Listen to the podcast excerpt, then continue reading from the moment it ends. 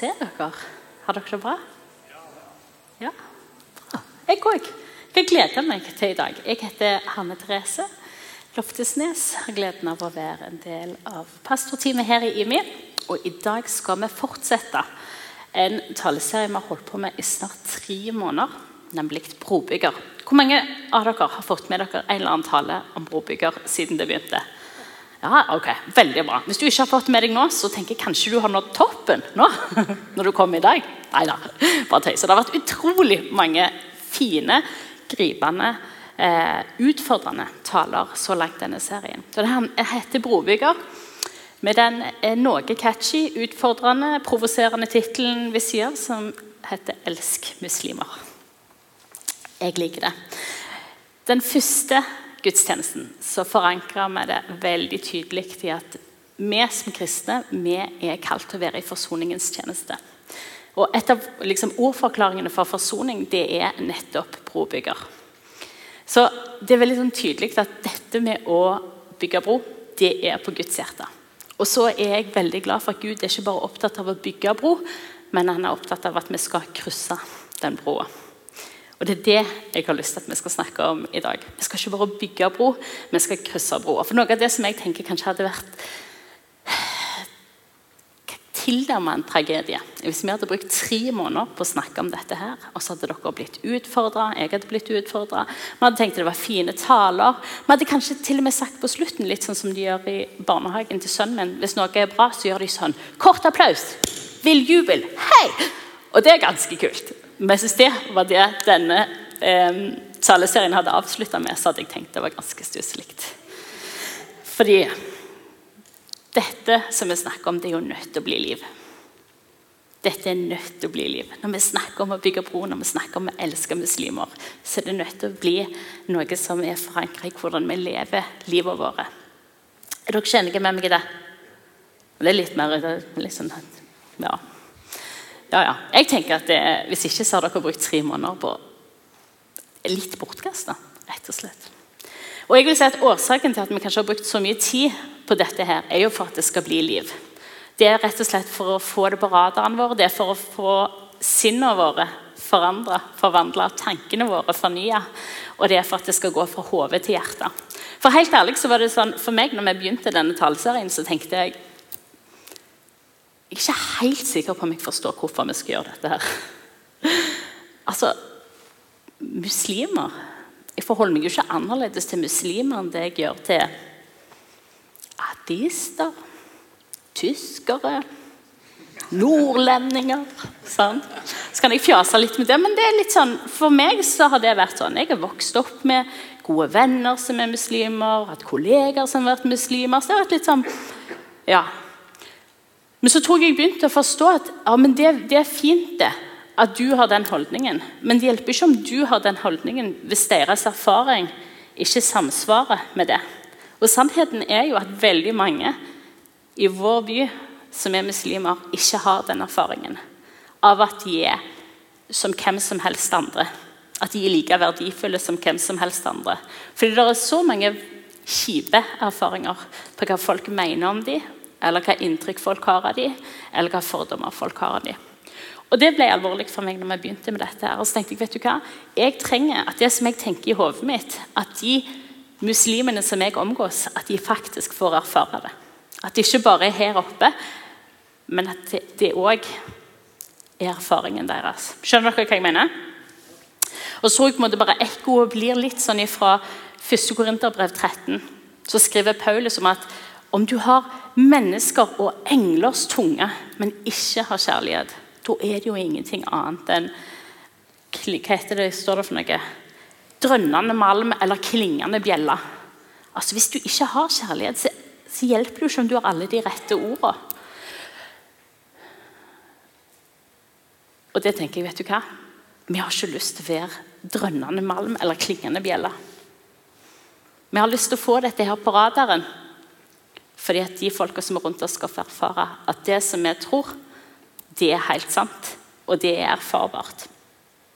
Så det er det første å få det på radaren. Og det andre handler med denne handler om å få fornya sinnet vårt. For jeg tror som jeg sier, at jeg, altså, alle mine erfaringer, sånn personlige relasjoner og erfaringer med muslimer, har vært gode. Jeg har ingen dårlige erfaringer på det viset der.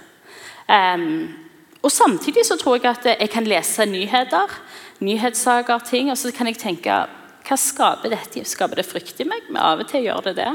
Når en hører, saker eller ting som skjer. Og det tenker jeg er helt ok. At det skaper det i deg. Og meg. Det skaper det i meg òg. Og samtidig så tenker jeg at i Bibelen så står det om å få fornya sinnet vårt. fordi at vi har gleden av å få Guds perspektiv på ting. Og det er jeg helt sikker på at Gud frykter aldri for muslimer. Eller han frykter aldri for det som skjer. Han elsker alltid. Og det tenker jeg at, vet du hva, det har jeg lyst til skal være mitt innsteg til hver eneste muslim eller hver eneste nyhetssak jeg leser også. At det er ikke frykt som går foran meg, eller det er ikke liksom fordommer som på en måte er den barrieren som noen er nødt til å komme over. Men at vet du hva, utgangspunktet mitt er at vet du, hva, du er så vanvittig høyt elsket av Gud. Så kan nyheter være nyheter, eller historier være historier, eller utfordringer være utfordringer. Men Gud elsker, og det er mitt utgangspunkt. Og den aller siste tingen som jeg tenker er viktig for oss i denne taleserien, som jeg i hovedsak skal snakke om i dag, det handler om at du går fra hodet til hjertet. Fordi at, eh, eller hodet fra hjertet, Og egentlig mest ut i hendene. At kan jo ikke bare lande i hjertet, det må ut i hendene òg.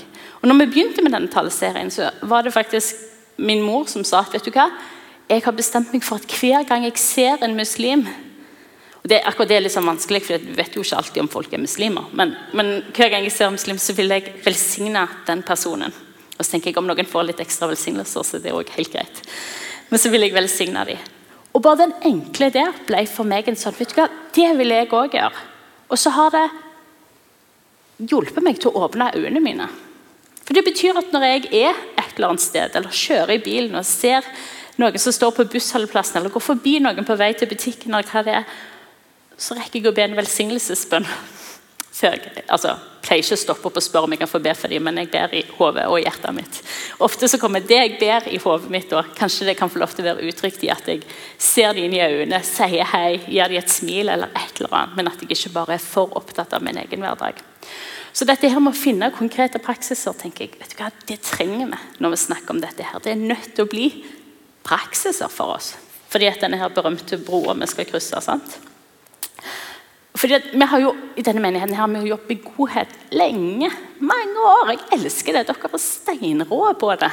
Og jeg er så takknemlig for at det er en del av våre hjerteverdier. Men noe av det vi har sagt, er jo at vi har ikke lov til å bare snakke om en Gud som er god. Vi er nødt til at mennesker får erfare det. Hvis vi bare snakker om det, så er det det er drønnende malm og klingende bjeller. altså. Folk er nødt til å få en erfaring av det. Det må gjenspeile i måten jeg bruker tida mi, i måten holdningene mine, i verdiene mine, i pengebruken min. Altså, det må på en måte Livet vårt må få det avtrykket, da. Henger dere med? Ja. Eh, så jeg vil si at når vi skal oppsummere taleserien så langt, så skal Elling få oppsummere den skikkelig neste søndag. sette et utropstegn på. Men så vil jeg si at vi er blitt gjort oppmerksomme på en sannhet som òg må uttrykkes i praksis. Sannheten er at Gud elsker muslimer, og vi er kalt til å være brobyggere. Og det krever en praksis. I Lukas 6 så snakker ikke Jesus om å bygge bro, men om å bygge hus. Jeg skal lese for dere. Hvorfor kaller dere meg Herre, Herre, og gjør ikke det jeg sier? Den som kommer til meg og hører mine ord og gjør etter dem, hvem han ligner, skal jeg fortelle dere. Han er lik en mann som bygde et hus, og som gravde dypt og la grunnmuren på fjell. Da flommen kom, brøt elven mot huset, men kunne ikke rokke det fordi det var godt bygd. Men den som hører og ingenting gjør, han ligner en mann som la huset på bare bakken uten grunnmur. Da elven brøt mot huset, falt det med en gang, og hele huset styrtet sammen. Den som hører mine ord og gjør etter dem, han er lik en mann som bygger huset sitt på fjell. Og Det tenker jeg jo på et vis både er alvoret her. og privilegiet. Nå når vi har fått malt en sannhet for øynene våre i tre måneder Eller hvilken som helst sannhet som står i Guds ord, for den saks skyld. Men så er det jo med en hensikt. At det skal bli til levd liv. Og så syns jeg det er litt interessant at denne historien til Jesus om å høre og gjøre og være folk som bygger huset sitt på fjell, kommer veldig kort tid etter at han har sagt Men til dere som hører på meg, sier jeg, elsk deres fiender, gjør godt mot dem som hater dere, velsign dem som forbanner dere, og be for dem som krenker dere. Og la meg bare si med en gang at Nå mener jo jeg virkelig ikke at muslimene er fiendene våre. for det der det kunne misforstås. Men det jeg sier er at Jesus han elsker jo så vanvittig radikalt. Og det er den radikale kjærligheten vi skal få lov å elske folk med òg. Hvis jeg elsker folk ut av min egen evne, så er den ganske begrensa, den kjærligheten. Men mitt privilegium og alvoret er at jeg har fått ta imot en helt annen type kjærlighet som jeg skal få lov å elske folk videre med. Så vi må finne ut av hvordan dette blir liv for oss. Fordi dette er skikkelig viktig for Jesus. Og da burde det være skikkelig viktig for oss òg. Så det er nå det begynner, folkens. Eller for noen av dere har det begynt for lenge siden. Det er jeg veldig glad for. Men for dere som det ikke har begynt for veldig lenge siden, så begynner det nå. Og det er bedre seint enn aldri. Vi har snakket om å bygge bro, men nå tenker jeg at nå er det tid for å krysse den. Det er ingen som bygger bro for at den skal være til pynt. Er dere enige med meg i det? Kom igjen, da. Ja.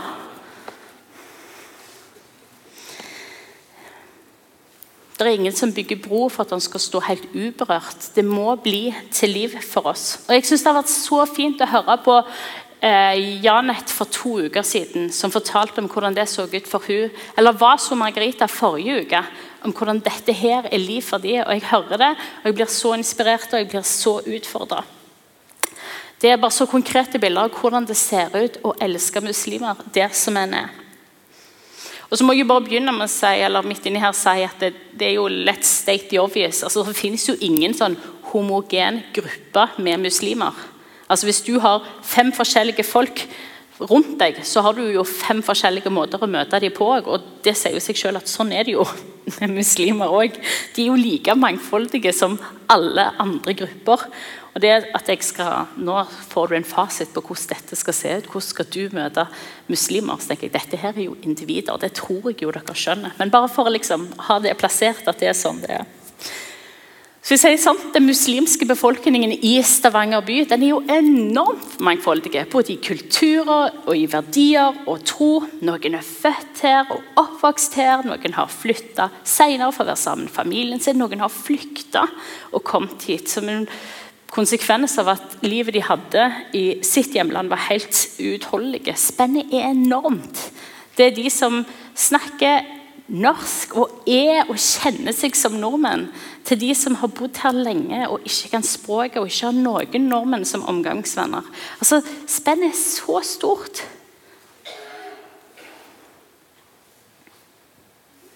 Så det er vanskelig å sette en fasit med to streker under.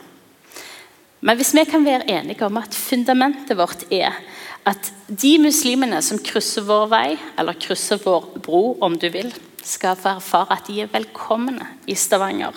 At vi er glad for at de er her, og vi vil at de skal trives her. Hvis vi kan være enige om det fundamentet, da tenker jeg at vi har et godt utgangspunkt. Det første jeg vil oppfordre deg til, det er å be. Hvis du ikke har begynt, så vil jeg oppfordre deg til det nå. Jeg vil at du skal begynne å be. Jeg vil at du skal begynne å be for ditt eget hjerte. Jeg vil at du skal begynne å be for muslimene i byen din. Jeg vil at du skal be om at de skal få erfare Guds kjærlighet. Jeg vil oppfordre deg til å gå bønnevandringer i nabolaget ditt. I byen din eller ved skolen din eller hvor det måtte være. Be Gud om å bringe muslimer inn i veien din. Eller når du hører om vold eller når du hører om urettferdighet i den muslimske verden eller med muslimer, så be for dem. Be for de som måtte ha utført voldsomme handlinger, og be for de som har vært offer for dem. be om at vi skal få være en menighet som elsker muslimer. At muslimer i Stavanger skal få erfare at de er elsket. Så be. For et sted å starte. Begynn å be. Vi skal bare be litt nå med en gang. Gode Jesus, jeg takker deg for at du elsker så vanvittig radikalt. Og du elsker hver eneste en av oss, og du elsker hver eneste muslim. Og Jesus, jeg ber om at eh, vi skal få overøses med din kjærlighet for vårt liv. Og en så radikal kjærlighet at vi skal få elske radikalt videre. Jeg ber om at hver eneste muslim i denne byen skal få merke at de er ønska, og at de er elska. Jeg ber om at du skal skape et bønnehjerte hos oss for dette. Takker deg, Jesus, for at det er på ditt hjerte. Jeg ber om at du skal fortsette å gjøre noe med vårt eget hjerte. Amen. Så vi kan be. Absolutt. Det håper jeg vi skal gjøre alle sammen. Og Det neste er at dette her med å elske muslimer sant? Vi kan jo være enige om at Det er jo ingen teoretisk størrelse. Sant? Det er jo en relasjonell størrelse. Det må være hud på det, det må være øyne en kan se inn i, og et bord en kan sitte sammen med. Det må være vennskap og kjennskap. Og Du har kanskje allerede kollegaer eller naboer eller studiekamerater som du tenker på nå, eller kanskje så vet du ikke helt. Og Mitt aller beste tips er begynn der som du er. Du går helt sikkert forbi noen når du er på vei på butikken eller på bussholdeplassen eller et annet sted som du ferdes. Bare begynn der som du er. Luft blikket, se folk inn i øynene, gi dem et smil, et hei, en god dag, en velsignelse. Altså En kort parentes. Når jeg var 18 år, så reiste jeg på min aller første sånn tause retreat et eller annet sted på Østlandet. Og Det som slo meg når jeg var der, var at alle var jo så steinsure.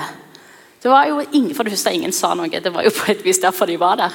Men det var ikke som de så ikke på meg, samtidig som de skulte på meg. Jeg tenkte, Hva er dette her for en gjeng som har reist på retreat og liksom skal søke Gud? Så er de så sure. Og så var retreaten over, og vi skulle snakke igjen. Og så var jo alle så trivelige. De var jo supertrivelige. De var kjempefine folk. Og da slo jeg at, det slo meg at Hvis det er manglende kommunikasjon, så er det rom for veldig mange fantasier og tolkninger og oppfattelser av ting. Og Det har vært en sånn viktig påminnelse for meg at måten jeg er på, har faktisk noe å si for hvordan andre folk opplever meg. Utrolig nok. Men dette bildet tenker jeg har faktisk noe å si for hvordan vi er rundt folk. som du kan tenke, vet du hva, Jeg kan bare være i min egen verden når jeg er på butikken. og bless you, du kan det, Men du kan òg velge å se de som er der. Og stoppe opp for de som du ser der, og smile til de som du ser der. Skjønner dere poenget? Benytt de mulighetene som du har. Vær til stede. Um, vi hørte hva Vaso sa forrige uke. Jeg var nødt til å liksom bare gå tilbake og høre det en gang til. Når pappa spurte liksom, hva, hva gjør du for noe? Hvordan elsker du muslimer der som du er? Vaso? Så sa han drikk kaffe med dem, bruk tid med dem. Vær der for dem, ikke døm dem. Ikke vær opptatt av å krangle om hvem som har rett eller ei. Vær deres bror eller søster eller venn. Inviter dem til et måltid i huset ditt. Besøk dem på sykehuset. Vær med dem og elsk dem. Og så når jeg tenker det, så tenker jeg ja, dette her høres ut som hvem som helst annen. Dette kan jo jeg òg gjøre. Og når jeg satt her og hørte på Baso, så tenkte jeg dette, dette liker jo jeg så godt. Men hvor mange av oss sitter her inne nå og tenker oi, men tenk hvis jeg gjør noe feil? Eller tenk hvis jeg inviterer dem, så serverer jeg noe jeg ikke burde gjort? Eller hvordan ser dette her ut? Så når jeg tenkte på dette her når jeg satt på stolen cirka her borte så tenkte jeg vet du hva, nå er det lenge siden jeg har snakket med Børran. Børran var min venn på videregående. Så tenkte jeg jeg får bare ringe til Børran og høre. Børran, min gode venn fra Kongsgård-tida, han er jo muslim. Så jeg sendte han en melding. tenkte Hvis jeg har telefonnummeret han sender, så bare sender jeg han en melding. Så jeg sa hvis dette fortsatte Børran, så er dette Andrese. Kan jeg ringe deg om et litt random spørsmål? Og så ringte han, og det var så fint. Og så sa jeg Børran, dette høres jo litt rart ut, men jeg håper du har godvilje nok til å forstå hva som er greia. Men vi snakker om jeg elsker muslimer. Så lo han litt. Og så sa han dette syns jeg jo er veldig fint. da. Fordi at um, det er jo så lett å danne seg et bilde av folk når man bare leser i nyhetene om ting. Men de har faktisk setter seg ned med et bord i lag over et måltid eller en kopp kaffe gjør at en får et litt annet perspektiv på ting. Men når jeg sa, men Børan, kan vi gjøre noe feil? Er det noe sånn do's and don'ts hvis du skal prøve å være gode, rause, gjestfrie mot noen muslimer? Og så lo han jo bare og sa nei, men jøye meg, altså, dette her er jo Du kan jo ikke gjøre så mye feil, altså. Så da, hvis det er meg, så ville jeg sagt ja, ikke svin, ikke alkohol og no bikini parties. så jeg tenkte bare ah, du er veldig løyen. Jeg liker deg, ja, men det er notert. Og så sa han, men så har jeg jo andre venner som er muslimer, som spiser svin og drikker alkohol. Så sa han jeg kan jo bare spørre dem, liksom. Er det noe du ikke spiser? Er det noe du ikke drikker? Og så det er helt greit. Så tenkte jeg, vet du hva, la oss bare si det sånn. La oss nå bare være som med folk flest. Ikke være så redde for å gjøre feil. La oss bare invitere folk hjem, åpne dørene våre, ha en ekstra plass med middagsbordet. Så er sannsynligheten stor fordi at uh, takknemligheten for å ha blitt invitert inn er langt større enn potensialet for å gjøre noen feil her eller der. Så trenger vi være redde for å gjøre feil? Dørterskelen eller terskelen generelt sett kan være ganske lav tror jeg, for å invitere folk inn. Og det liker jeg. Um, oi, svops. Jeg var ferdig med det. så det gjorde ikke så mye. Og så snakket jeg med ei annen nydelig dame som er rundt ganske mange muslimer som har en ganske krevende bakgrunn. Og Så spurte jeg hva tenker du om dette. her? Og så sa hun vet du hva, jeg eh, tenker at vi må se disse fantastiske folka som de ressursene som de er. Og Det tenker jeg er et veldig vesentlig punkt. Denne taleserien her er jo ikke en sånn redningsaksjon for muslimer. Altså jeg tenker Det er snakk om stakkarslikt utgangspunkt for å vise noen at de er elsket. Utgangspunktet er jo at vi vil vise at de er elsket. Og så sa hun men de vil jo være en berikelse for deres liv. Det som de bringer med seg. Her er det kompetente, ressurssterke folk. Og selv om noen av dem har forferdelige historier, så vil de være en gave å være rundt. Noen av dem har ikke språket til å snakke. Altså, finn noe å gjøre i lag. Spis i lag. Sa noen de har opplevd så mye vondt at de har gjerne ikke tillit til at en har lyst til å være med dem. Altså, Våg å spørre første, andre, tredje, fjerde gangen. Ikke gi deg med det første nei-et, men våg å være offensiv og si vet du hva, jeg har lyst til å være vennen din. Jeg er til stede. Og Det vil bare være en utfordring til dere. som jeg bare sier her. Altså, hvis dere har lyst til å bli med frivillig et sted Det er mange nydelige steder som gjør ting for muslimer i byen vår. Bl.a. Open Hands for You, som vi har snakket om tidligere her på gudstjenestene. Engasjer deg. Bidra. Tror livet ditt vil bli vanvittig berikt sjøl òg. Ok. Godhet. Vi har vanvittig mye av dette her under huden allerede. Og jeg vet at Når jeg sier en del av disse her tingene, så er det sånn dette, dette kan vi jo. Dette gjør vi jo. Dette er jo en del av hvem vi er. Og så tror jeg vi bare trenger påminnelsen om at vet du hva? Dette gjelder for de av våre både nye landsmenn og de som er nordmenn, men som er av en annen eh, tro enn det vi er vant med. Hvis du kan bare minne oss på hvis du kan La oss være offensive med godhet i møte med hver enkelt av dem. Heidi Baker hun sier 'love looks like something', eller 'kjærlighet det ser ut som noe'. Det må se ut som noe. Hvis vi sier at Gud elsker muslimer, så må det se ut som noe med hva vi gjør for noe. Et av, de andre slogansene hennes er liksom 'Stop for the one'. Og Det tenker jeg også er et ganske sånn vesentlig poeng. Stopp opp. Leid etter muligheter til å se folk, til å anerkjenne folk, til å stoppe opp for folk. Få deg en venn, en ny venn. Berik omgangskretsen din med noen som bringer en annen smak til bordet. Ikke la terskelen være så veldig høy. Liksom bare begynn et sted. Jeg tenker jo som så at For hvert smil, eller for hver prat, eller for hver invitasjon eller for hvert menneske elsker, så er himmelen nær. Så har vi fått en forsmak på hvordan himmelen er. For et privilegium at vi kan få lov til å være med på det. Eh, og Selv om jeg kan tenke at det er jo så lite, så tenker jeg don't despise the small beginnings. Altså, ting må jo begynne et sted. La det få begynne der, skal du se hvordan fokuset ditt endres. da. Jeg har en kamerat som sa at vet du hva, jeg, i leveringa med, med, ungene til barnehagen og til skolen, så prøver jeg å få legge inn liksom fem til ti ekstra minutter eh, før jeg må videre på jobb.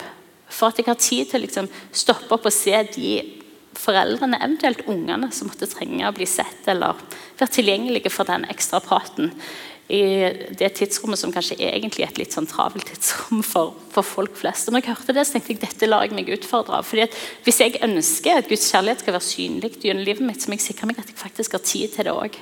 Og hvis jeg er så vanvittig travel at jeg aldri har tid til å stoppe opp, så, så burde det utfordre meg. Så Finn ut av hvordan du har tid til å stoppe opp. Drikk kaffe med folk. Det er liv. Vær venner. Gå nå over den broa som vi har snakket så mye om. Gå på besøk, inviter på besøk, og ikke vær så redd for å gjøre feil. Og så er det et sånn, litt sånn alvorlig punkt til slutt. og Det tenker jeg er en veldig viktig del av det å elske muslimer. Og Det er tørre å stå opp for folk.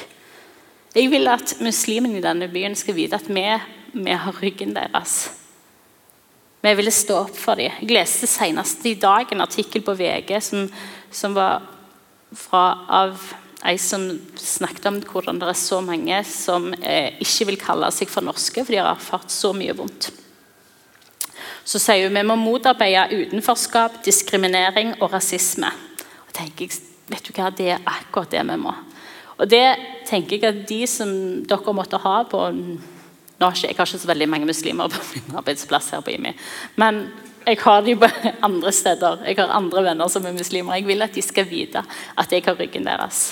For jeg vet at mange av de har enten kommet til landet eller er her i landet og er allerede blitt forhåndsdømt av navn eller hudfarge i forhold til hva jobb de har fått. Det er plutselig irrelevant hva kompetanse de måtte ha eller ressurser de kommer med. Og jeg vil at de skal vite at vi har ryggen deres. Og jeg tenker at det er helt uaktuelt at vi er for travle til å bry oss om det, eller at vi er for likegyldige til å bry oss om det, eller ignorere det.